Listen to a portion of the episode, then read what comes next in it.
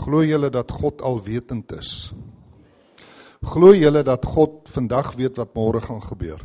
Glo julle dit regtig? Dit staan geskryf in Psalm 139. Here, U deurgrond en ken my. U ken my sit en my opstaan. U verstaan van ver my gedagte. U deurvors my gaan en my lê en U is met al my weë goed bekend. Want daar is nog geen woord op my tong nie of U Here, U ken dit geheel en al. So voordat ons 'n woord gespreek het, voordat ons die woord bedink het, weet God klaar wat ons dink. Glo julle dit? Ja. Dit beteken mos dan dat voordat God vir Adam geskaap het, God geweet het Adam gaan val. Nie waar nie? Dit beteken verder dat voordat God die engele geskaap het en die gerubs en die serafs God geweet het Lucifer gaan teen hom in opstand kom. Nou waarom dan? Dit gaan ons môre middag se sessie bespreek. So die ou mense wat hier sit almal bo 30. Hoe gaan hulle maak? Gaan hulle koffie kry en koekies? Broodjies? Wie gaan die broodjies maak? Wie gaan die koekies gee? Wie gaan gaan jy dit koop? Want hulle gaan honger wees as hulle hier uitkom. So dan het ons net bietjie meer as 'n halfuur om 'n breek te neem om 'n uh, bietjie ietsie te drink en julle die innerlike te versterk en dan kom ons terug en dan praat ons oor uit Matteus 24 en oor die teken van die seun van die mens. En julle sal verbaas wees hoe vinnig 3 ure verbygaan. Julle sal verbaas wees hoe vinnig 3 ure verbygaan. My plan is om volgende jaar na Nederland te emigreer omdat my seun daar woon, my skoondogter, my kleinkinders en ek nie kleinkinders in Suid-Afrika het behalwe hulle nie. En dan sal ek seker in die toekoms as die as die Here wil en ek lewe Suid-Afrika kom besoek om in die eerste kwartaal hier te kom bedien. Maar dis dalk môre die laaste keer dat ek julle sien, so kom maar op. Hier is die vreeslike opgewondenheid oor die gemeente dat dit die laaste keer is dat hulle my miskien sal sien. Hoe weet ons? Ek sê hoe weet ons? Jakobus 1 vers 13 sê kom nou julle wat sê vandag of môre sal ek na die en die stad gaan en daar 1 jaar deurbring en handel drywe en wins maak. Julle wat nie eens weet wat môre sal gebeur nie. Want hoedanige is julle lewe, dis tog maar 'n damp wat vir 'n kort tydjie verskyn en daarna verdwyn. In plaas dat julle sê as die Here wil en ek lewe, dan sal ek dit of dat doen. So ek sê as die Here wil en ek lewe. Maar ek het vir hom gevra of hy my guns sal gee want ek wil graag werk tot ek 83 is. Ek bedoel volstoomwerk. Nie watertrap nie, volstoom. Elke naweek. So dis nou nog dis nou nog 12 jaar van nou af en as die Vader vir my guns gee en en ek kan dit doen, dan het ek van 23 af tot 83 60 jaar diens. Dis wat ek graag wil hê. En ek nog baie gedeeltes uit die Bybel wat ek uit my kop uit moet leer. So ek het baie werk om te doen. Geweldig baie.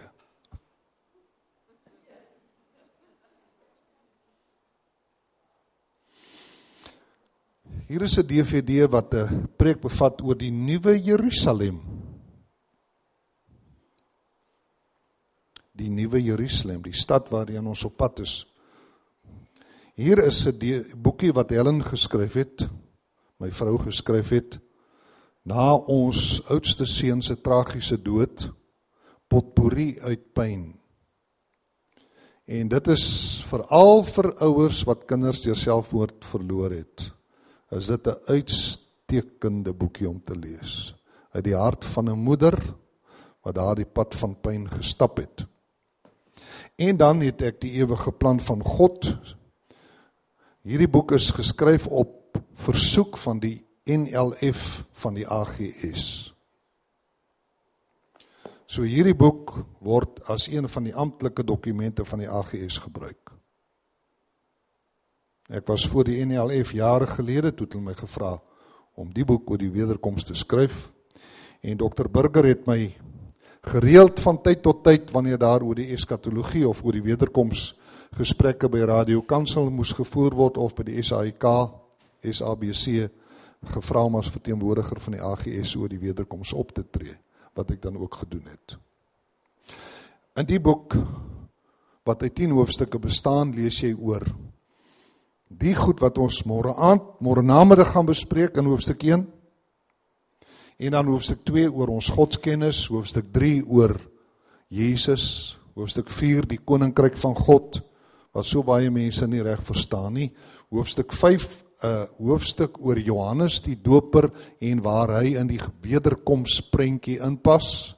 Hoofstuk 6 oor die ou verbond, hoofstuk 7 oor die nuwe verbond hoofstuk 8 oor die wederkoms, 9 oor die wederkoms, 10 oor die wederkoms en in hoofstuk 8 behandel ek onder meer die wegraping volledig in die ewige plan van God. Die boek kos net R100 hier by julle. Elders kos hy bietjie meer. As julle nie dankbaar nie. En ek het nog net 20 gebring, net 20 gebring en daar's nog net 'n paar verkoop van hulle, maar ek as jy nou 'n studieboek wil hê wat werklik vir jou in die wonderlike plan van God op aarde invat van die begin af tot die einde, dan is dit die ewige plan van God. Is so jammer dat 'n mens net 5 sessies het om 'n bietjie hier en daar aan ietsie te raak. Slawe drywer. Dis wat hy is. Ek en jy het môreoggend 'n sessie oor die Heilige Gees. Maar as jy dit oopstel in die gemeente, dan kan jy dit doen. Ek het vir die ek en hy het vanmiddag 'n lang gesprek gehad oor die etenstafel. En dit was baie lekker uit die skrifte uitgesels. En toe sê ek vir hom ek wil iets met hom bespreek. Ek wil met hom oor die Heilige Gees praat. So hy kan nou maar die goed wat ek vir hom sê môreoggend kan hy kom preek in die gemeente. Ek is lief vir die openbaringe van God. Daar is 'n verskil tussen teologie en openbaring. Teologie is 'n menswetenskap. Ek het ook teologie studeer. Ek het aan die Volle Evangelie Kerk se kollege het ek 'n diplomaatjie gedoen. En toe ek later aan Unisa het ek 'n BD gedoen, Baccalaureus Divinitatis. En ek het onder meer onder professor Adriu Kenny gestudeer in Hoffie Hofmeyer. Toe ek in kerkgeskiedenis gepromoveer, net soos dokter Isak Burger ook in kerkgeskiedenis gepromoveer het, het ek dit gedoen. En ek en hy is van daardie jare af baie goeie vriende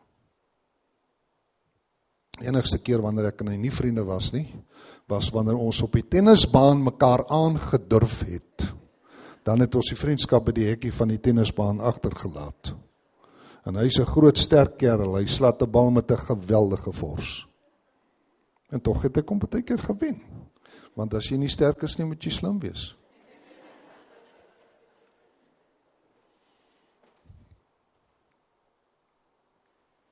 As jy aan die universiteit gaan teologie studeer, dan studeer jy in een van die menswetenskappe. Sê maar. Teologie is 'n studie oor God en oor sy werke. En daarom kan jy verskillende teologieë kry, dit hang af van jou vertrekpunt. Jy lê onthou dat in Suid-Afrika voor 1994 was die teologie van bevryding Geweldige aanvraag. Almal het daaroor geskryf. Maar na Suid-Afrika, na die 94 verkiesings, het die teologie van bevryding, bevrydingsteologie heeltemal verdwyn. Niemand praat meer daaroor nie. So die voedingsbodem waaruit daardie teologie ontwikkel het, het versadig geword. In die charismatiese beweging kry jy die voorspoedsteologie, die prosperity theology, baie sterk. En dit het Pinkster ook beïnvloed hoor. En daarom lees jy kort kort van pastore wat hulle self verryk met die evangelie. Daar's vandag sulke gevalle in Suid-Afrika. Dit kom uit die voorspoedsteologie wat sy voedingsbodem in Amerika gehad het, nie in Mosambiek nie.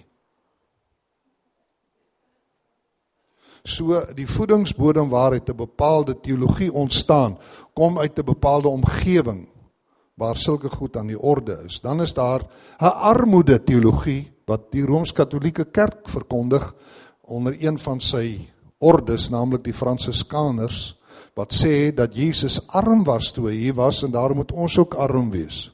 En daarom dra die monnike van daardie orde dra hulle net 'n ou eenvoudige ou kleed en hulle slaap op die vloer sonder 'n kussing en hulle eet geringe karige maaltye.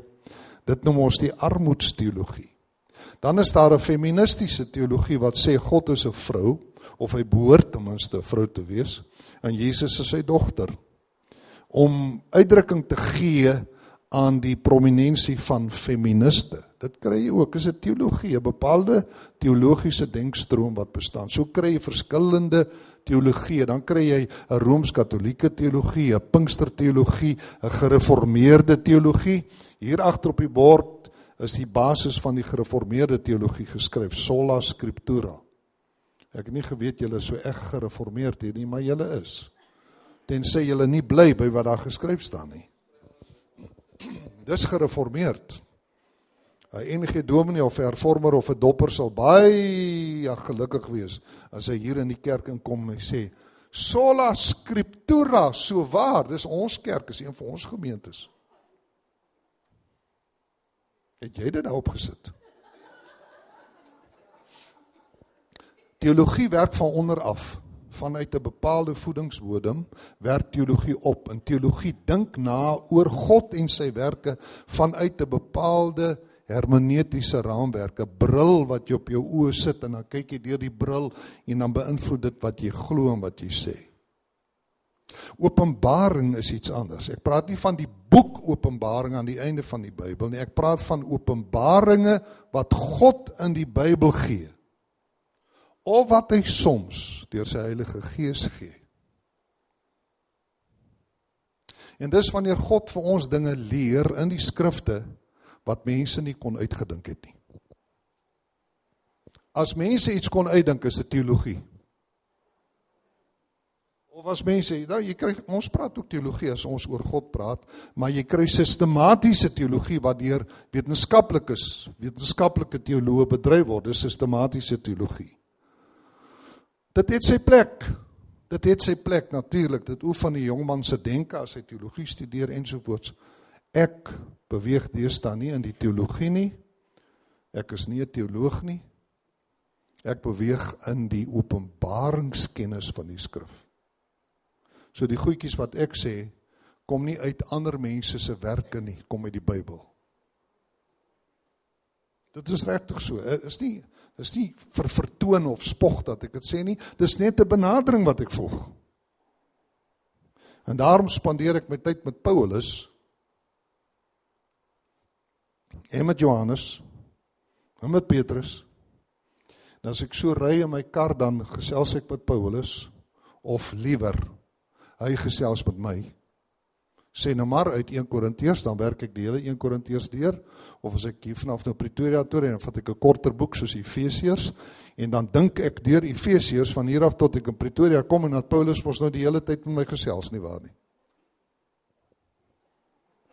En baie keer sal ek kom in die rede val net om God so 'n bietjie te prys en te loof sê ek hou net bietjie vas kollega en dan loof ek die Here se naam terwyl ek bestuur.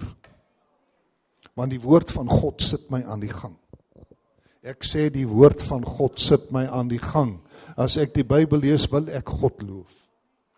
As ek Psalm 150 lees wat sê prys die Here, haleluja. Loof God in sy heiligdom, dis die kerk of die gebou dan. Loof hom in sy sterk uitspanse, loof hom onder die blou lig. Loof hom oor sy magtige dade. Loof hom na die volheid van sy grootheid. As ek dit lees, dan begin ek die Here spontaan prys. Dit kan ons nou nie anders nie. Dis wat julle ook doen. Maar hoe meer tyd jy in die woord van God spandeer, hoe gemakliker word jou lofprysinge. En hoe makliker hoor jy sy stem. Dis tog logies. Efesiërs 2 sê vers 1 en julle het hy lewend gemaak wat dood was deur die misdade en die sondes waarin julle tevore gewandel het volgens die loop van hierdie wêreld volgens die owerste van die mag van die lig van die gees wat nou in die kinders van die ongehoorsaamheid werk. Vers 3 onder wie ons almal ook vroeër was toe ons in die begeerlikhede van die vlees en van die sinne gewandel het en ons was van nature kinders van die toorn net soos ook die ander Maar God wat ryk is vers 4 in barmhartigheid, het ons deur sy groote liefde waarmee hy ons liefgehad het, ook toe ons dood was deur die misdade, lewend gemaak saam met Christus. Uit genade is jy gered en saam opgewek en saam laat sit in die hemele in Christus Jesus, sodat hy in die eeue wat kom kan betoon die uitnemende rykdom van sy goedertierenheid oor ons in Christus Jesus vers 8 want uit genade is jy gered. Deur die geloof. En dit nie uit jouself nie. Dit is die gawe van God.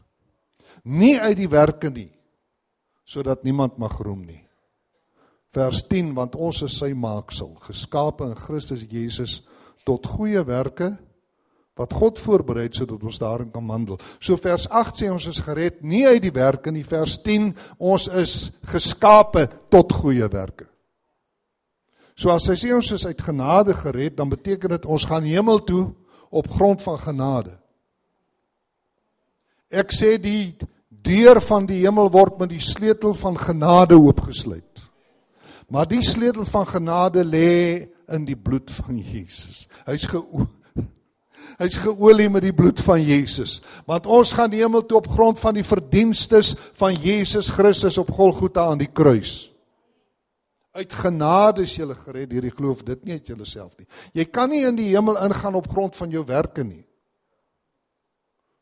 Jy gaan in die hemel in op grond van God se seun Jesus Christus se werke op Golgotha aan die kruis. Kan iemand amen sê hierop? Dis die waarheid. Jesus is die verlosser. Ek sê Jesus is die saligmaker. Nie my werke nie. My werke is nie die saligmaker nie. En tog glo 95% of meer mense wat hulle self Christene noem dat dit hulle lewe is wat hulle hulle korrekte lewe wat hulle in die hemel vat. Is nie so nie. Jy gaan nie hemel toe op grond van jou korrekte lewe of jou heiligmaking of die werke wat jy doen nie. Jy gaan hemel toe op die verdienstes van Jesus Christus op Golgotha aan die kruis.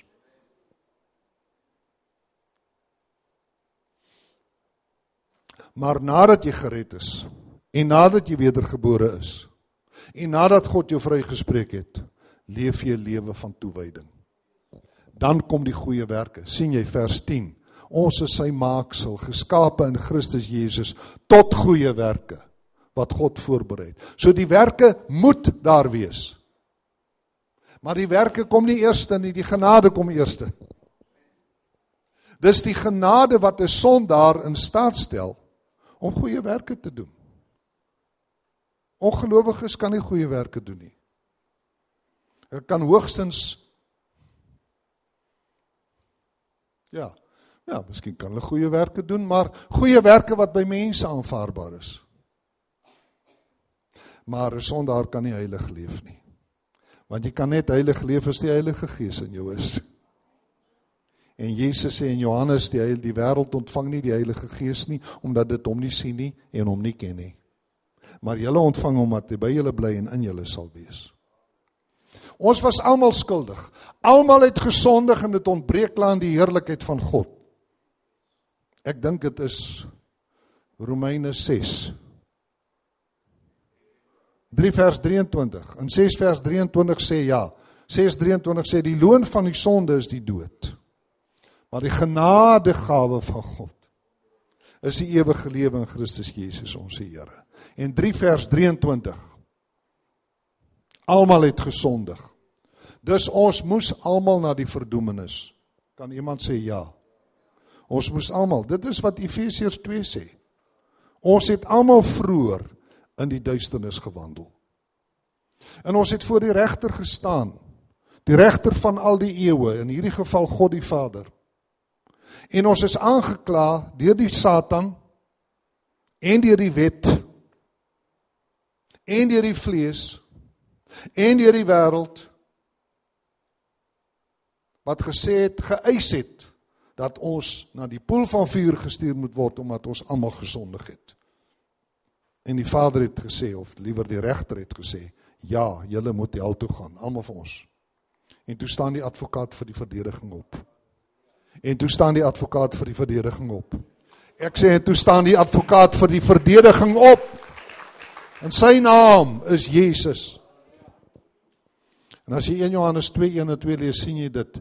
My kinders, ek skryf hierdie dinge aan julle dat julle nie moet sondig nie as, iemand gesondig het. Ons het 'n voorspraak, 'n parakleet.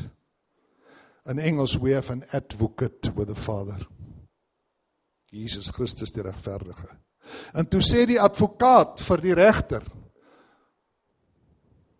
Dit is waar wat hy sê. Hulle is verdoem.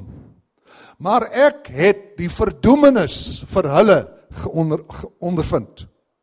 Ek het die straf wat vir hulle die vrede aanbring op my geneem. Ek het die straf wat hulle moes kry, het ek gedra aan die kruis. En hulle het my aangeneem as saligmaker en daarom is hy verplig om hulle vry te spreek. Of soos die 53 vertaling sê, regverdig te verklaar. In die 83 vertaling praat die Bybel van vryspraak. Die 53 sê regverdigmaking. En hy sê vir die regter, daai beskuldigde se saak met my is reg. Wanneer jy Jesus aanneem as saligmaker, is jou saak met Jesus reg. En op grond van die verdienstes van die advokaat wat die prys betaal het, Ek bedoel die vonnis se oplegging, die prys van die vonnis oplegging is deur hom betaal. Want 1 Petrus 1:18 sê omdat julle weet dat julle nie deur silwer of goud losgekoop is uit julle ydelle lewenswandel wat deur die Vader se oorgelewer is nie, maar deur die kosbare bloed van Christus soos van 'n lam sonder gebrek en vlekkeloos. Jesus se bloed het die prys betaal en die uiterste van die regter se geregtigheid is bevredig. Deur deur deur die uiterste prys wat Jesus betaal het. God eis niks meer nie want die bloed van Jesus Christus sy seun reinig ons van alle sonde. Daar's niks wat jy verkeerd kan doen wat nie deur die bloed gedek word nie. Sê tog vir Jesus dankie sê tog vir Jesus dankie. Ek glo dit. Ek glo die woord wat sê die bloed van Jesus Christus reinig van alle sonde. En op grond van sy verdienstes aan die kruis wil ek sê was die regter verplig om ons vry te spreek. Dit noem ons regverdigmaking. Vryspraak. Toe sê die regter vir ons: "Loop maar, die deure is oop, gaan." Toe loop ons. Ek sê ek is vry, ek loop. Maar toe begin daar 'n nuwe lewe. Want na wedergeboorte en na regverdigmaking begin die lewe van heiligmaking. Sanctification. Nou moet ek die goeie werke doen. Verstaan u dit? Ek doen nie die goeie werke om regverdig te word nie. Omdat ek regverdig is, begin ek om heilig te leef. Dis die korrekte orde. In die evangeliese groepe en ook in die Pinksterkerke het ons hierdie orde omgekeer, verkeerdelik. Ons het gesê jy moet heilig lewe om gered te word. Ek ken dit. Al die ou mense wat hier sit ken dit. Dis hoe dit gepreek was. As jy nie heilig leef nie, gaan jy nie hemel toe nie. Jy moet heiligmaking najag. Die antwoord is dis andersom. Jy leef nie heilig om gered te word nie. Jy leef heilig omdat jy gered is. Dis die beeld wat die skrif gebruik uit hierdie verwysing.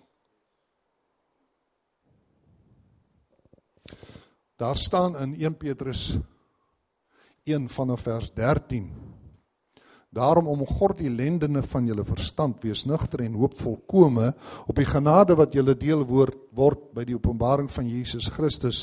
Soos gehoorsame kinders moet julle nie julle lewe inrig volgens die begeerlikhede wat tevore in julle onwetendheid bestaan het nie, maar soos hy wat julle geroep het heilig is, moet julle ook in julle hele lewenswandel heilig word. So heiligmaking is 'n lewenswandel. Ek sê heiligmaking is 'n wandel met God. En dit gebeur nadat jy gered is. 'n Boom dra nie goeie vrugte. 'n Goeie boom dra nie goeie vrugte om 'n goeie boom te word nie. Hy dra goeie vrugte omdat hy 'n goeie boom is. So hier is die hier is die korrektheid om dit te verstaan. Ons gaan hemel toe omdat ons gered is deur genade. Maar wanneer ons daar aangekom het, gaan ons rekenskap gevra word van ons werke. En dit is wat 2 Korinte 10 sê vers 2 Korinte 10 vers 2 Korinte 5 vers 10 sê. Want ons moet almal voor die regterstoel van Christus verskyn sodat elkeen kan ontvang sodat elkeen kan ontvang sê saam met my asseblief sodat elkeen kan ontvang wat hy deur die liggaam verrig het volgens wat hy gedoen het of dit goed is of kwaad. Dis die groot prysuitdeling seremonie in die hemel nadat die opstanding plaasgevind het. Wanneer ons nou ons liggame ons verheerlikte liggame verkry het en ons gaan op hemel toe Jesus kom haal ons dan verskyn al elkeen van ons voor die regterstoel van Christus. En moenie sê maar waar gaan die Here al die tyd kry om ons almal te met ons almal 'n gesprek te voer nie. In die hemel is daar nie tyd nie, daar bestaan ewigheid. So as dit nou op die aarde sou gewees het, sou dit dalk 300 000 miljoen jaar geneem het om met elkeen van ons 'n gesprekkie te voer, maar in die hemel is dit maar net 'n kort tydjie. Net terloops dat ek dit sê vir een of twee van julle wat daaraan gedink het. Ons gaan daarin op grond van genade. Uit genade is jy gered deur die geloof. sien u dit? Ons gaan hemel toe op grond van genade en op grond van wat Jesus gedoen het. Maar as ons daar ingekom het, moet ons almal voor Jesus verskyn om beloon te word, om te ontvang Dit gaan 'n heuglike dag wees wanneer ons gaan ontvang die groot prysuitdeling. Maar gaan ons dan nie voor die wit oordeelstroon staan om veroordeel te word nie, vra iemand? Nee, nee, nee, nee, nee. Ons oordeel of die straf wat op ons gerus het sodat ons verdoem moes word was op Golgotha op Jesus geplaas. Hy het ons sondes in sy liggaam op die kruis uitgedra, sê 1 Petrus 2:24. Dis hoekom ons vry is. Ons kan nie veroordeel word nie want ons is vrygespreek. Ek sê jy kan nie meer veroordeel word nie want jy's vrygespreek. Daarom sê Romeine 8 vers 1 daar is dan nou geen veroordeling vir die wat in Christus Jesus is. Vir die wat nie na die vlees wandel nie maar na die gees. Ons is vrygespreek. Jy moet hemel toe gaan.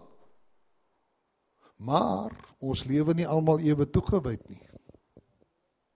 Ons is nie almal ewe naby aan God nie. Partykeer raak van ons stout.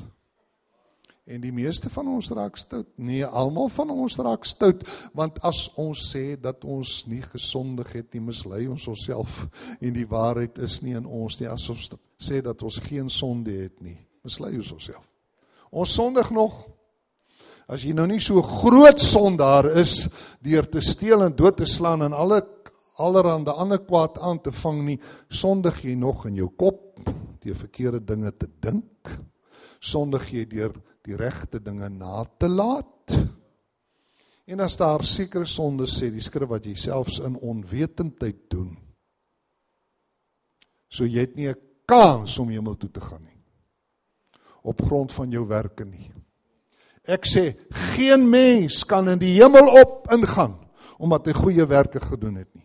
Al leef jy 'n volkomme heilige lewe kan dit jou nie in die hemel invat nie. Paulus sê so iets in 1 Korintiërs 4 vers 4. Hy sê ek is my van geen ding bewus nie. Ek wil amper sê hy het al die sonde en die versoekinge wat hom kom tref het uit Paulus uitgeslaan. Hy sê vyf maal het ek van die Jode ontvang 40 houe op een na. Hy het amper 200 houe met die kats op sy rug en op sy bors gehad, Paulus. Afgesien van al die ander smarte wat hy gelei het. Lees dit daarin. Waar is dit? 2 Korintiërs 11. Hy sê in 1 Korinte 4:4, ek is my van geen ding bewus nie. Ek weet van niks in my lewe wat verkeerd is nie. Sit 'n bietjie in jou mond en kou dit. Ek weet van niks in my lewe wat verkeerd is nie. 1 Korintiërs 4 vers 4. Dan sê voeg hy by: Daardeur is ek egter nie geregverdig nie maar hy wat my beoordeel is die Here. So jou goeie werke kan jou nooit voor God vryspreek nie al sondig jy glad nie. Want jy's in wese 'n sondaar. Jy sien net 'n sondaar omdat jy verkeerde dinge doen nie. Jy's 'n sondaar omdat jy sondaar is. En al sou 'n sondaar ook hoe 'n goeie lewe lei, gaan dit hom nie hemel toe vat nie want hy is verlore. Julle het hy lewend gemaak wat dood was deur die misdade en die sondes. Sondaars is dood geestelik, vriende. Ek sê sondaars is geestelik dood. Hulle kan hulle self nie lewendig maak nie. Die een wat ons lewendig maak is God. Nou staan ons voor Jesus en nou beloon hy ons. Op grond waarvan? Op grond van ons heiligmaking, op grond van ons werke.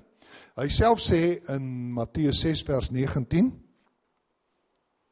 Moenie vir julle skatte bymekaar maak op die aarde waar mot en roes verniel en waar diewe inbreek en steel nie.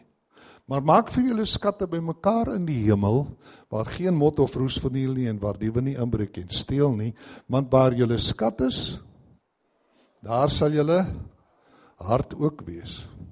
Moenie vir julle skatte bymekaar maak op die aarde waar mot en roes verniel en waar diewe inbreek en steel. Hier is daar motte in Parys. Is daar in julle dorp motte? Is daar roes in Parys?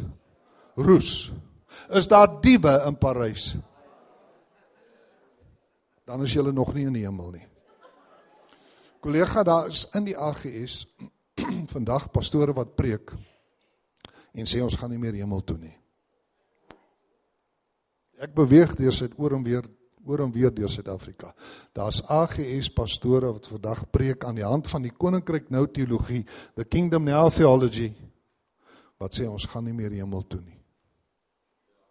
So hulle wil bly waar die roes is en die motte en die diewe. In die hemel is daar nie roes nie. In die hemel is daar nie motte nie en dis ook nie vliee en kakkerlakke en sulke goed nie. In die hemel is daar nie diewe nie. Jesus sê, moenie vir julle skatte bymekaar maak op die aarde waar mot en roes verniel en waar diewe inbreek en steel nie. Maar maak vir julle skatte bymekaar in die hemel waar geen mot of roes verniel en waar diewe nie inbreek en steel nie, want waar julle skat is, daar sal julle hart ook wees. Ek is op pad na 'n plek toe waar daar geen diewe is nie. Ek is op pad na 'n plek toe waar daar geen roes is nie. Luister, ons is op pad na 'n plek waar daar geen motte is nie en geen peste is nie. Is dit nie wonderlik nie? Kan jy hulle nie vir die Here 'n bietjie lekker hand gee nie? Moenie vir julle skatte bymekaar, maar maak vir julle skatte. Wie moet jou skatte daarbo bymekaar maak? Maak vir julle by skatte. Sê vir my, wie moet jou skatte moet die pastoor jou skatte vir jou in die hemel bymekaar maak? Wie moet dit doen? Jouself. En omdat ons toewyding verskil, sal ons skatte ook verskil. Ons gaan nie die almal dieselfde loon ontvang nie. Die loon wat Jesus gaan uitdeel by die regterstoel van Christus, die bema, soos die Griekse woord dit het, daardie loon by die bema troon gaan gebaseer wees op elkeen van ons eie persoonlike toewyding en daarom gaan die een minder of meer ontvang as die ander. Dit staan net so geskrywe in 1 Korintiërs 3 vanaf vers 6. Ek het geplant, Apollos het nat gemaak, maar God het laat groei. Vers 7. Soos dan hy wat plant of hy wat nat maak niks nie, maar God wat laat groei. Vers 8. Maar hy wat plant en hy wat nat maak is een, hulle doen dieselfde werk. Maar elkeen sal sy eie loon volgens sy eie arbeid ontvang. Daar is die beginsel.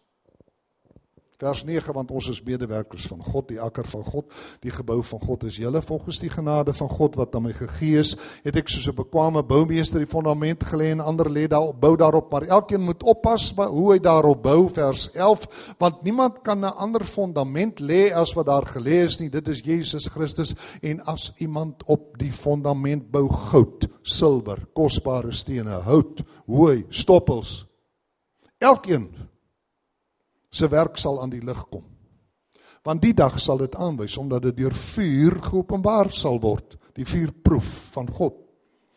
As die werke, as jou werke bly staan, as sy werke bly staan wat hy daarop gebou het, sal hy of sy loon ontvang. As sy werke verbrand word, dit wil sê as dit hout en stoppe was, dit verbrand, sal jy skade ly of sal hy skade ly alhoewel hy self gered sal word maar soos deur vuur heen. Lees dit in 1 Korintiërs 3. So al sou jy dan in jou heiligmaking faal. Al sou jy nie die goeie werke doen nie en die goed wat jy gedoen het word deur die toets van God verbrand, gaan jy nogtans in want jy word uit genade gered. Maar jy verloor loon voor die bema troon van Christus voor die regterstoel. Is dit nie wonderlik nie? Dat ons uit genade gered word nie. As dit ons werke was, sou nie een van ons hemel toe gegaan het nie. Ons gaan ook krones ontvang. En daar's een kroon waarvoor ek kwalifiseer waaroor ek eers wil praat. Daar's drie spesifieke krones wat ons gaan ontvang. Maar die vir die een kroon is ek beslis 'n kandidaat. En dis die kroon wat Paulus noem in 2 Timoteus 4 vers 8. Maak notas, jy gaan dit nie alles onthou nie. 2 Timoteus, maar dit word opgeneem nê. Nee. Waar is daai jong man? Dit word alles opgeneem. Goed.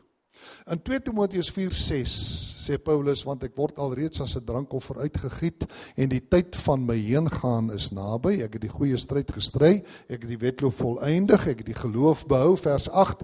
Verder is vir my weggelê die kroon van die geregtigheid wat die Here die regverdige regter my in die dag sal gee en nie aan my alleen nie maar ook aan almal wat sy verskyning liefgehad het. So as jy die wederkoms van Jesus verwag en lief hê, is jy in lyn om die wederkomskroon te ontvang. Ek sê as jy uitsien na die wederkoms, as jy kandidaat vir die wederkomskroon, ek gaan daardie kroon ontvang. Ek weet dit want ek verwag die wederkoms en ek sien uit na die wederkoms. Het ek nie dit te kenne gegee hier nie? Nou, dan sê ek mos 'n kandidaat vir daardie kroon. Maranatha. Ja, dit kan jy roep. Die Here kom. 'n Tweede kroon daarvoor kwalifiseer ek ook. Dit klink bietjie asof my ek my eie beeld blaas, maar dis maar net omdat dit so is. Nee, nee, nee, nee. Petrus sê in 1 Petrus 5 Ek vermaan die ouderlinge onder julle, ek wat 'n mede-ouderling en getuie van die lyde van Christus is, wat ook 'n deelgenoot is van die heerlikheid wat geopenbaar sal word. Ek vermaan die ouderlinge onder julle vers 2, hou as herders toesig oor die kudde wat onder julle is nie uit dwang nie, maar gewilliglik, nie om vuil gewin nie, nie om finansiële wins nie, nie om vuil gewin nie, maar met bereidwilligheid vers 3 ook nie as heersers oor die erfdeel nie, maar as voorbeelde vir die kudde. En wanneer die opperherder verskyn, sal julle die onverwelklike kroon van heerlikheid ontvang. Dis die herderskroon. sien julle dit? Dis die herderskroon. Dis 'n kroon wat God 'n bietjie uitsonder vir hulle wat met julle moeilikheid werk. Moet nou nie dink dat dit so maklik is om 'n pastoor te wees nie. Jy werk met die moeilikheid van die hele gemeente. En dan dink julle julle doen hom 'n gunsteer van julle al julle ellendes vir hom heeltyd te vertel. Pastoor, dat ek net gou vertel, ek moet hospitaal toe gaan, dan gaan hulle hier sny en daar sny, dan gaan hulle die ding uithaal. Ek het getuienisdiens gehad by my kerk en dan gaan toe staan daar 'n vrou op en sy praat met groot smaak in die fynste detail oor al die persoonlike goed wat hulle tydens die operasie met haar aangevang het. Die meeste ou mense wat ek ken, dis nou nie julle nie. Present company excluded. Praat 80% van hulle gesprekke oor hulle siektes. En hulle besoek aan die dokters. En dan is die dokter altyd die beste spesialis. Ek was by daai, hy's die beste spesialis in Pretoria. Ou mense kan vreeslik lieg hoor.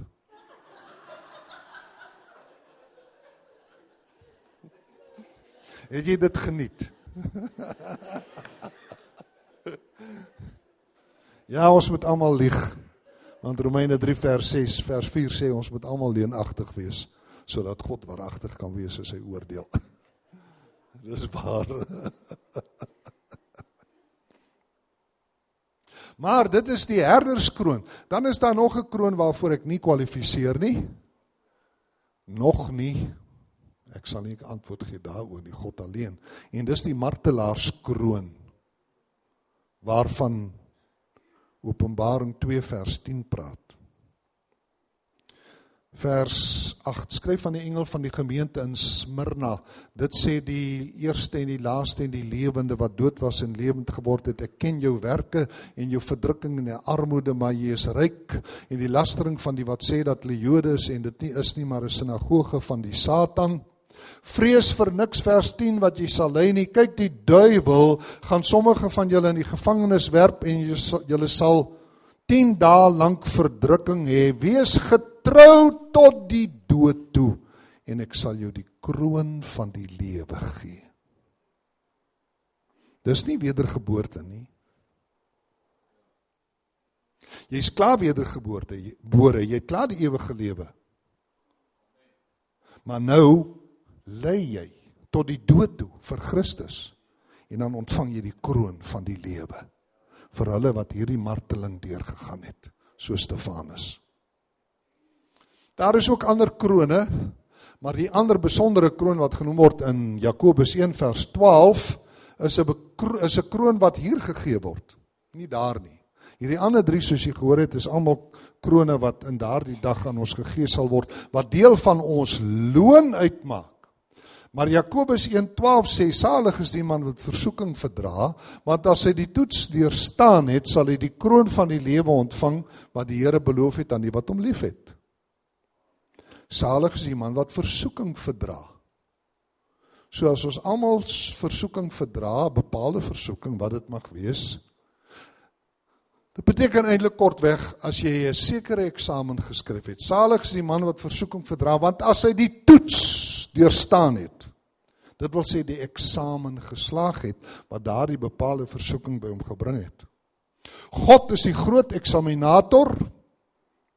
Hy beproef ons. God is the great examiner. He tests us. He tries us. Die duiwel is die klein versoekertjie of die klein eksaminatortjie wat God toelaat om ook eksamens vir ons oop te stel op te stel. Hy versoek ons.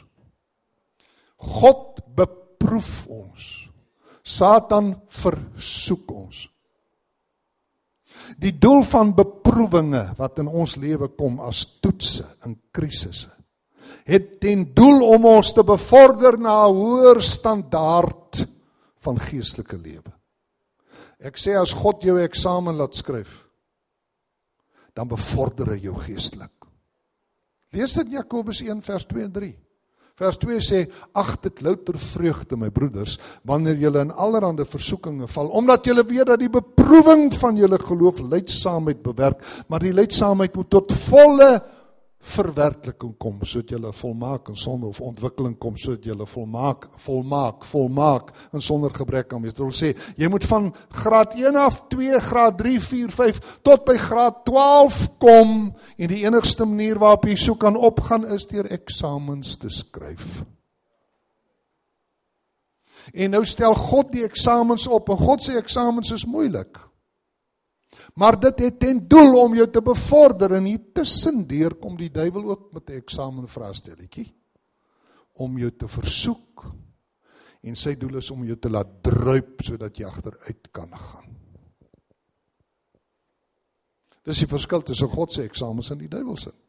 Die duiwel se is versoekings. Versoeking het net een doel om jou te vernietig. Versoekinge het net een doel en dis om jou geestelik agteruit te laat gaan. Beproewing het net een doel en dis om jou geestelik te bevorder en jou sterker te maak. En dan vers 12. Salig is die man. Nou goed, as jy nou nie geslaag het nie, kan jy vers 5 toepas. En as iemand van julle wysheid kort kom, laat hom dit van God bid. Waarom kom ek wysheid kort? Ek het my eksamen gedruip, sien. Binne die konteks, binne die verband het jy jou eksamen gedruip. En nou kort, hoekom het ek my eksamen gedruip? Ek het wysheid kort gekom. Aan die akademie sal ek sê, ek het kennis kort gekom. In God se eksamens het jy wysheid kort gekom. God toets jou nie vir jou kennis nie, man. God toets jou vir jou wysheid. As iemand vir julle wysheid kort kom, laat hom dit van God bid wat aan almal eenvoudig gee sonder om te verwyd. Hy verwyd jou nie as jy gedruip het nie. As jy opgehou het met rook en jy begin weer rook, kom ek noem 'n simpel voorbeeld. En jy voel skuldig daarvoor en jy het nie die moed om na God toe te gaan nie. God verwyd jou nie. Kom. Kom die Here is hier en hy roep jou.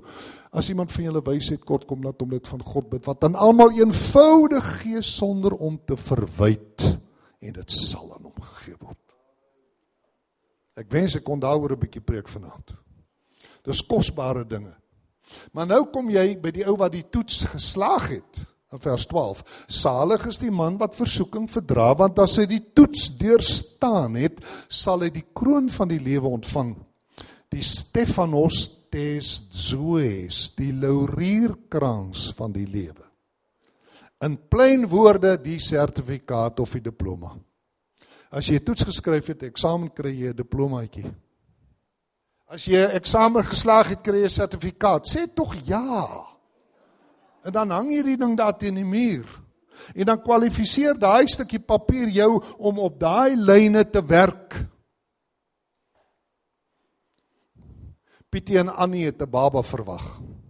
Eintlik Annie, maar Pietie en Annie was getroud, so Pietie en Annie het 'n baba verwag. Toe sê ek vir Pietie, Pietie, As Anne die baba het, laat weet my, ek wil haar graag in die kraam inligting inrigting gaan besoek. Ja, pastoor. 'n Week later hier bly my foon, Pietie bel. Pastoor, Anne het die baba gehad. Ek sê nou maar ek kom, wanneer is besoektye so en so en so? Kom, ek wil vir Anne kom sien. Nou stap ek daarin. Hier lê Anne met die kleine kleine babatjie na arm. Hallo Annie. Hallo pastoor. Hoe gaan dit Annie? Alraai pastoor. Ek sê hoe dit gegaan met die bevalling? Sê sê pastoor baie baie moeilik. Ek sê ek verstaan aan nie. Pastoor verstaan. Maar ek lieg mos.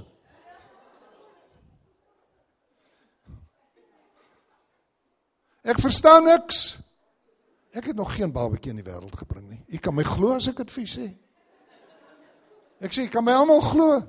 Ek het nog nooit 'n baba aan die wêreld gebring nie. Hoe kan ek vir haar sê ek verstaan aan nie?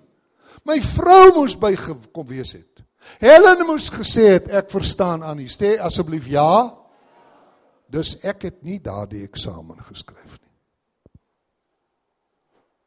Ek het nie daardie kroon ontvang nie. Daarom is ek gediskwalifiseer kollega vanuit 'n gebrek aan ondervinding wat ek daarin nooit kan hê nie om met 'n vrou op daai in daai geval te praat nie. En dis hoekom jong pastore so klei trap. sien dat hulle niks weet nie, dis hulle nog niks ervaar het nie. Jy kan my maar hoor wat ek sê. Jong pastore kom met die snaakste goed na vore. Want hulle het 'n bietjie goed gelees en 'n paar goed gehoor, nou dink hulle hulle besit al die wysheid van die wêreld. Wysheid kom net uit twee bronne. Wysheid kom of direk van God of dit kom van die universiteit van stampe en stote. Dis waar wysheid vandaan kom. En ek is 'n student, 'n ewige student aan die universiteit van stampe en stote. Ek kry dit gedurig. Is jy nog studente aan daai universiteit? Is jy nog studente aan die universiteit van stampe en stote? Die hele lot van ons, lyk dit vir my. Mag dit jou bevorder tot 'n wyse vrou en 'n wyse man. So daar het julle nou die loon en die krone en nou ten slotte ons erfporsie. Want ons gaan ook voor God ons erfporsie ontvang. Voor Jesus ons erfporsie. Nou dit die teks wat ek graag wil gebruik is 1 Petrus 1 as jy 'n Bybel het blaai gou-gou na 1 Petrus hoofstuk 1.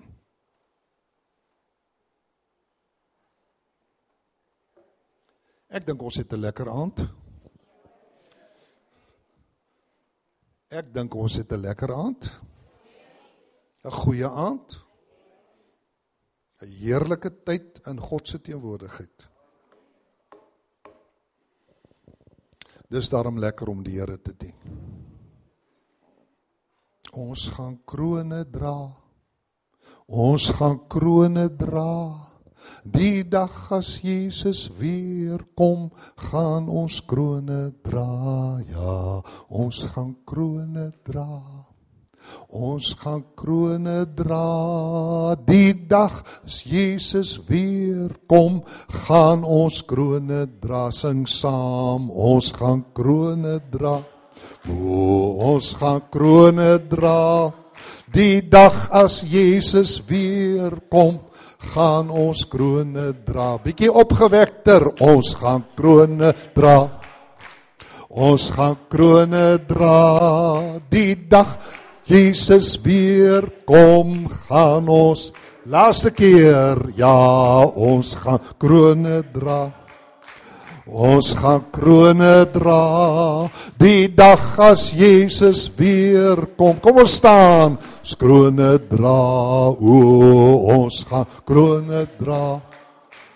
Ons gaan krones dra die dag as Jesus weer kom, gaan ons krones dra.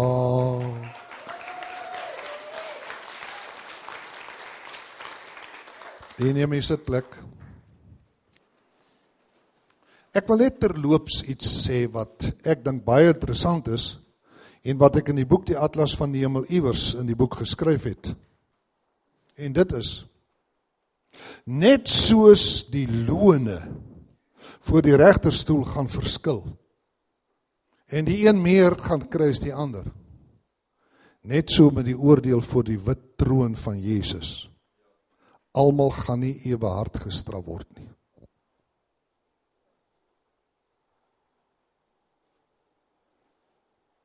In Matteus 11 sê Jesus byvoorbeeld dat Sodom en Gomorra met hulle hele gay familie nie so swaar gestraf sal wees word as Kapernaum wat 'n besoek van Jesus ontvang het nie. Jy Kapernaum wat tot die hemel toe verhoog was, sal tot die doodryk toe neergewerp word want as in Sodom en Gomorra die wonderwerke, die wondertekens plaasgevind het wat in jou plaasgevind het, sal hulle hulle in sak en as bekeer het. Maar ek sê vir jou, dit sal vir Sodom en Gomorra verdraagliker wees in die oordeel as vir jou. Dis wonderlik om daaraan te dink dat soos dit in die lig plaasvind aan hierdie kant, so ook aan die ander kant. Maar ek het dit in atlas van die hemel het ek dit beskryf. Jy kan dit daar lees. Is julle in 1 Petrus 1 vers 3? Miskien kan julle dit hardop saam met my lees as julle 53 vertaling het. Geseend is die God en miskien kan julle dit hardop saam met my lees. Geseend is die God en Vader van ons Here Jesus Christus. Is dit waar? Is God geseend? Kan ons se hand optel en dit weer 'n keer sê? Kom ons sê dit vir hom.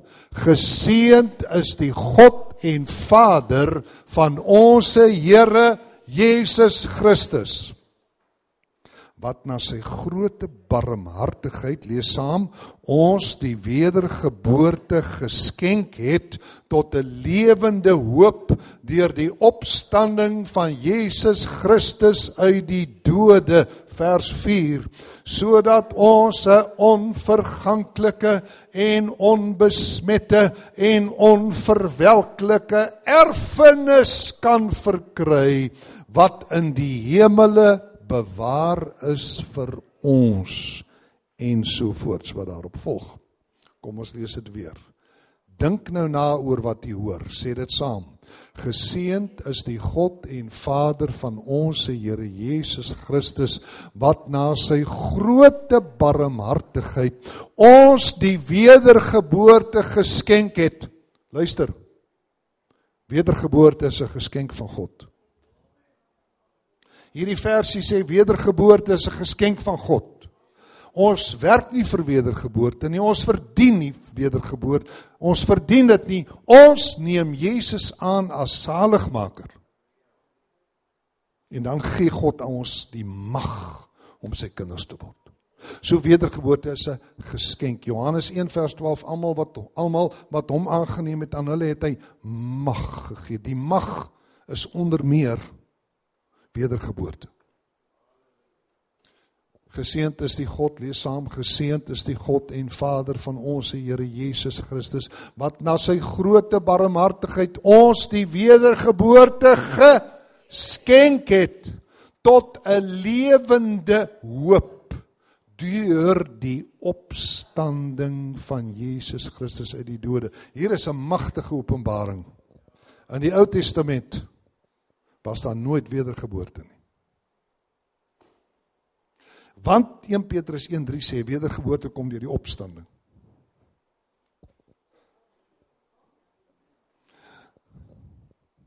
Nou maar gaan die mense van die Ou Testament dan nie hemel toe? Natuurlik gaan hulle hemel toe want hulle is uit genade gered en deur die geloof. Abraham is geregverdig uit die geloof. Maar Abraham was nooit wedergebore nie, want wedergeboorte beteken dat jou hart besny word. Dat Christus in jou woon, dis wedergeboorte. Dat sy Heilige Gees in jou is, dis wedergeboorte. Dat jy in Christus is. Jesus het tog nie in die Ou Testament hierdie dinge gedoen nie. Daarom was daar nie wedergeboorte nie. Daarom het Nikodemus glad niks verstaan van wat Jesus vir hom in Johannes 3 gesê het nie. Dink julle nie dis 'n openbaring nie, net terloops. En daarom al die gelowiges uit die Ou Testament wat gered was soos Abraham en Dawid, al daai mense, wanneer hulle gesterf het, het hulle nie hemel toe gegaan nie. Hulle het afgegaan na die doderyk en daar in die paradys gedeelte aan die boesem van Abraham gedeelte met die kloof wat die twee dele geskei, daar's hulle gevange gehou. Want Abraham sê vir die ryk uh, vir die ryk man toe hy sê stuur vir Lazarus om die punt van sy vinger te bring en my tong te kom verkoel en water te druk. Toe sê Abraham, "Dit kan nie. Die wat hier is kan nie so toe nie." Ons is vas.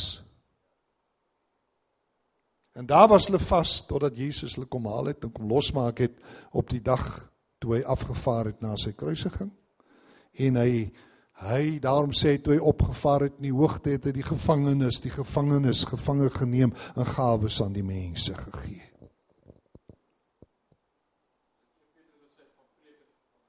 Nee, hy het nie vir hulle gaan preek nie, hulle was gered.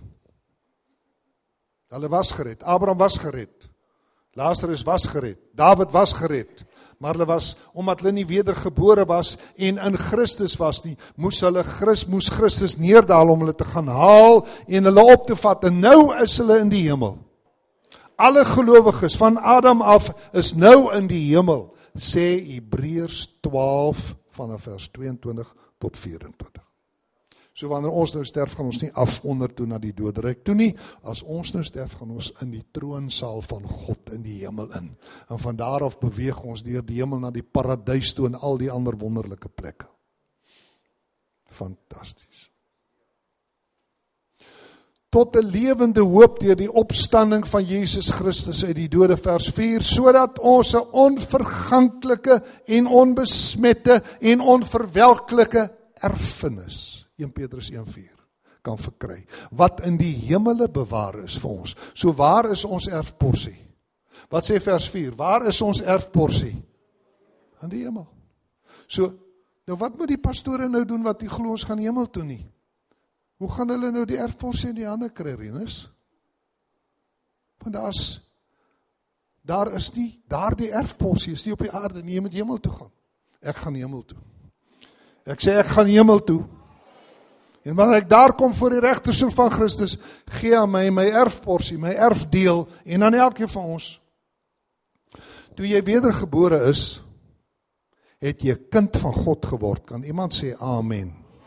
Toe jy wedergebore is, het jy 'n kind van God geword. Toe jy 'n kind van God geword het, het hy jou vader geword. Kan iemand sê amen? Toe jy 'n kind was, toe word hy jou vader toe hy jou vader geword het, het jy sy erfgenaam geword. Wie erf? Kinders. Ek vra jou 'n vraag, wie erf? Kinders. En ons is almal eweveel kinders van God. Want die skrif sê duidelik, daar is geen aanneming van die persoon by God nie. Bedoelende, daar's geen voortrekkery nie, daar's geen witbroodjies nie. Dis die betekenis daarvan. Natuurlik gee God verskillende gawes aan verskillende mense. Maar dit is met sy keuse te doen vir diens. Maar wat jou status betref, geen voorkeur nie. Ons staan almal so gelyk voor God. Want ons is eweveel kinders van God. Ons is eweveel wedergebore Pastor Rinus is nie 100% wedergebore in die lot van julle net 90% wedergebore nie. Kyk daar lê twee vroue in die kraamafdeling, albei gee geboorte aan twee babas. Of ek bedoel, hulle gee geboorte aan twee babas. Kyk daar word die babetjies gebore, daar's nou klaar gebore. Hulle is eweveel gebore. Ek sê as daar twee babetjies gebore is, is hulle albei Sê dit saam met my, eweveel gebore. Die een is tog nie Ek bedoel as hulle klaar gebore is. Ek praat nie van wanneer hulle gebore word nie. Nou klaar gebore. Die een is nie 90% gebore en die ander een net 50%. En as ons wedergebore is, ons almal eweveel wedergebore. Dit wil sê ons is almal volledig kinders van God, gelykwaardig en daarom is ons erfporsie presies vir elkeen dieselfde. Gee aan die Here lofoffer asseblief. Kyk, ons loon gaan verskil. Want ons loon is gebaseer op ons arbeid. Ons erfporsie gaan dieselfde wees want ons erfporsie is gebaseer op ons kunskap. Is dit nie mooi nie? Nou kom ek noem vir julle drie dinge wat ons gaan erf en daarmee sluit ons die diens af. En God is so goed vir ons. Hy gee alreeds een van ons, een van die dinge wat ons gaan erf gee reeds vir ons hier op die aarde. Naamlik die Heilige Gees. Die Heilige Gees is deel van God se erfporsie aan mense wat Jesus aanneem as saligmaker. Dit staan geskryf in Efesiërs 1 vers 14.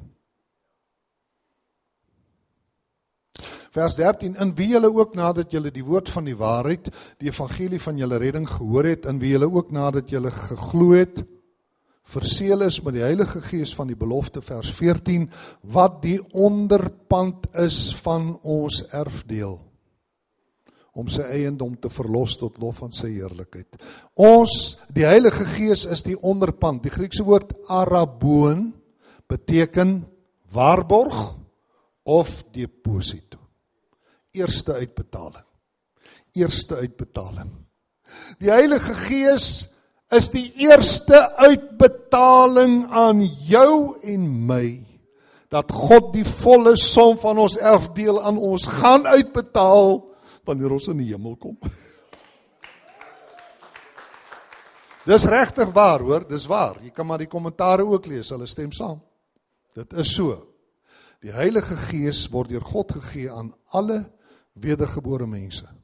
Daarom kan alle wedergeborenes, wedergeborene, geborenes sê Abba, Vader. Jy sê dit deur die Heilige Gees. So, hoe weet jy jy gaan erf? Kan jy sê Abba Vader? Ek vra, kan julle sê Abba Vader in geloof? Abba, U is my Vader. Vader, Vader. Abba Vader beteken letterlik Vader, Vader. Want Abba is 'n Arameese woord, Ab wat Vader beteken.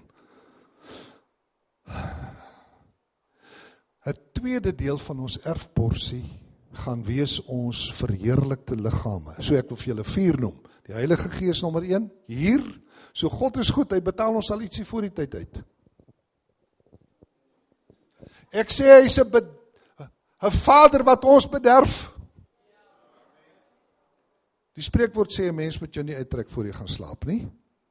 Dit wil sê moenie jou erfdeel vir jou kinders gee voordat jy dood is nie. Ek hoop die ou mense wat hier sit hoor dit. Moenie jou geld vir jou kinders gee voordat jy gesterf het nie. Hulle kan dit erf nadat jy dood is. Dis wat die spreekwoord sê. Mense trek jou nie uit voordat jy gaan slaap nie. Hy praat van die ewige slaap. Ons ontvang die Heilige Gees hier omdat God ons 'n bietjie bederf en hy hom uittrek voordat ons gaan slaap. Hy gaan nooit slaap nie, so ons gaan slaap. Maar hier gee hy vir ons, is dit nie wonderlik om die Heilige Gees in jou te hê nie? Is dit nie wonderlik dat die Heilige Gees met jou praat nie, dat hy jou heilig nie, dat hy vir jou intree met onuitspreeklike sigtinge by die troon van God. Die Heilige Gees. Die onderpand van ons erfdeel.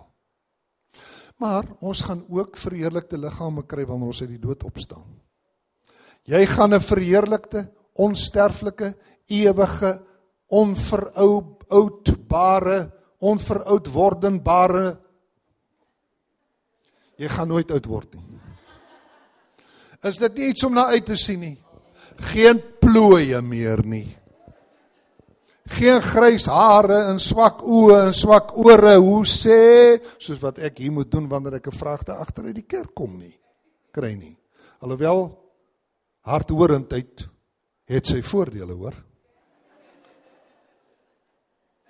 Ek kan maak asof ek hulle nie gehoor het nie en dan skreeu sy op my. Hoor jy nie wat ek vir jou sê nie? Dan sê ek van moenie so op my skree nie. Ek is nie doof nie. Waarom luister jy dan? Ek het 'n baie slim vrou. Sy weet wanneer ek toneel speel, hoor. Ek sien uit na my verheerlikte liggaam die verheerliking, die onsterflikheid waarmee ek oorklee sal word, soos 2 Korinte 5 sê. In 'n oomblik en 'n oogwink by die laaste basuin, soos 1 Korinte 15 sê. Soos 1 Johannes 3 vers 2 sê geliefdes, nou is ons kinders van God en dit is nog nie geopenbaar wat ons sal wees nie, maar ons weet dat ons as hy verskyn aan hom gelyk sal wees. Ons gaan dieselfde liggaam kry waarmee Jesus uit die dood opgestaan het. 'n Derde deel van ons erfporsie is ons nuwe name. As jy opstaan uit die dood, gaan jy 'n nuwe naam by God ontvang. God gaan in jou 'n nuwe naam gee. Jou eie naam wat net tussen jou en God bekend is. Kyk as jou naam nou Piet is en ons is hemel toe en God sê Piet, dan antwoord 100 ouens.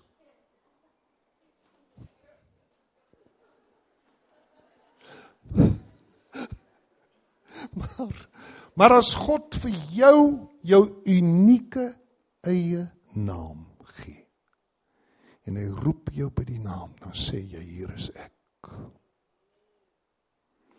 As God aan al die sterre, soos Psalm wat is dit 147 sê, as God aan al die miljarde sterre name gegee het, kan hy vir al sy kinders ook name gee. Dit staan geskryf in Openbaring 2 vers 17. Aan hom wat oorwin sal ek gee om te eet van die verborgde manna en ek sal hom gee witkeur steen en op die steen 'n nuwe naam, 'n nuwe naam geskrywe wat niemand ken nie behalwe hy wat dit ontvang. Openbaring 2 vers 17. Net soos Jesus by sy opstanding 'n nuwe naam gekry het. Die naam Jesus het hy gekry by sy geboorte uit Maria. Die engel het vir Josef gesê jy moet hom Jesus noem. Ek sê die naam Jesus het hy by sy geboorte gekry uit Maria. Toe hy opgestaan het uit die graf, het hy 'n nuwe naam gekry. Filippense sê dit in vers hoofstuk 2 vers 9 Daarom omdat hy gesterwe het, daarom het God hom ook uitermate verhoog en hom 'n naam gegee wat bo elke naam is sodat in die naam van Jesus, dit het hy reeds gekry by sy geboorte, sou buig elke knie van die wat in die hemel en die wat op die aarde en die wat onder die aarde is en elke tong sou bely dat Jesus Christus die Here is. Hy is nie meer Jesus Christus nie. Hy is die Here Jesus Christus. Ek sê sy naam is die Here Jesus Christus. Daarom sal vir hom elke knie buig want hy is die Here. So hy het 'n nuwe naam gekry. Daarom sê Hebreërs 1 vers 4 hy het soveel uitnemender geword as die engele na mate hy 'n voortreffeliker naam geërf het as hulle. So sy nuwe naam was deel van sy erfenis. Jesus erf ook Hebreërs 1 sê wat hy as erfgenaam, God het Jesus as erfgenaam van alles aangestel. Ons is onder meer sy erfporsie. Ons is onder meer Jesus se erfporsie wat die Vader vir hom gegee het want Hebreërs 1:2 sê God het hom as erfgenaam van alles aangestel. En hy het met vreugde daarna uitgesien om ons sy eie te noem.